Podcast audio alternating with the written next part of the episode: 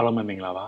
ကျွန်တော်ဆရာဖြိုးတီကရေးထားတဲ့အာနာဖီဆန်မှု၄မျိုးဆိုတဲ့စောင်းပါလေးကိုဖတ်ပြချင်ပါတယ်အာနာဖီဆန်မှု၄မျိုးစစ်သားတွေတက်ကိုစွန့်ခွာပြီးပြည်သူဘက်ကိုပူးပေါင်းလိုက်တာဟာ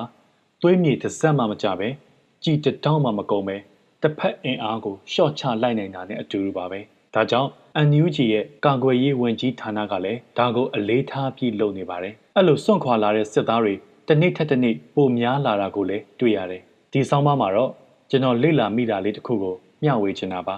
လူပိုဖတ်မိစေချင်လို့ခက်တူတူပဲရေးထားပါတယ်စစ်သားတွေအနေနဲ့လုပ်လို့ရတဲ့အာဏာဖီဆန်မှု၄မျိုးရှိပါတယ်ဒီနေရာမှာရှင်းပြလိုတာကကျွန်တော်ဖတ်ထားတဲ့စောင်းပါးကိုဓာတ်ရိုက်ဘာသာပြန်ကိုးကားတာမျိုးမဟုတ်ပဲစစ်သားတယောက်စီအလိုက်လုပ်လို့ရနိုင်တဲ့ပုံစံကိုရေးထားတာဖြစ်ပါတယ်မူရင်းစောင်းပါးကိုလည်းကွန်မန့်မှာဖော်ပြပေးထားပါမယ်စိတ်ဝင်စားသူတွေဖတ်လို့ရအောင်ပါအဲ့ဒီအာဏာဖီဆန်မှု၄နည်းကတော့နံပါတ်1 စစ်တပ်ထဲကအပီးပိုင်ထွက်လာပြီး CDM လောက်တာနံပါတ်2စစ်တပ်ထဲကထွက်မလာရဲထွက်မလာနိုင်သေးပေမဲ့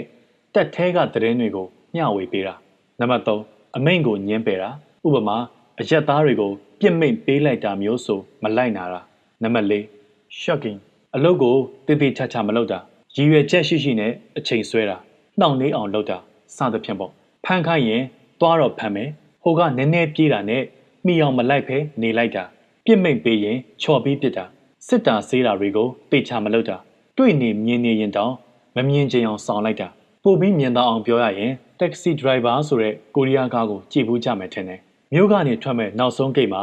ဒီ taxi ကိုစစ်တဲ့အခါကျတော့တရင်တောက်ပါလာတဲ့ကားမန်တိတိကြီးနဲ့စစ်သားကလှုပ်ပေးလိုက်တာမျိုးပေါ့အဲ့ဒီလေးနည်းထဲမှာသူကတော့အန်ဒရယ်အ ਨੇ ဆုံးလို့ပြောကြတယ်အမိတ်မနာကန်တာထက်စားရင်လွဲသွားတာနှေးတာ မလုံတက်တာက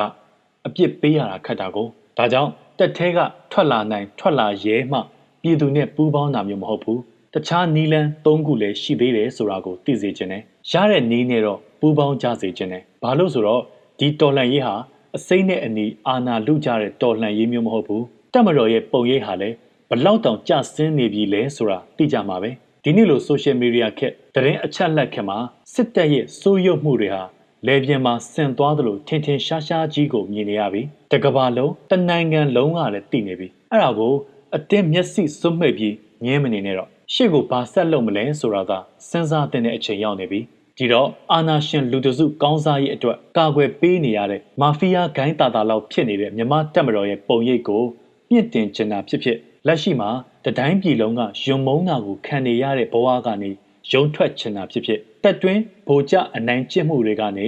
လွတ်မြောက်ချင်တာဖြစ်ဖြစ်နောက်ဆုံးကုံကုံပြောရရင်အခြေအနေမဟန်တော့တဲ့အဖွဲ့အစည်းဘက်မှမနေချင်တော့လို့ပဲဖြစ်ဖြစ်ပြည်သူဘက်ကိုအမြန်ဆုံးပူးပေါင်းကြစေချင်ပါတယ်ဒေါက်တာဖြိုးတီဟာ18ရက်10လ2021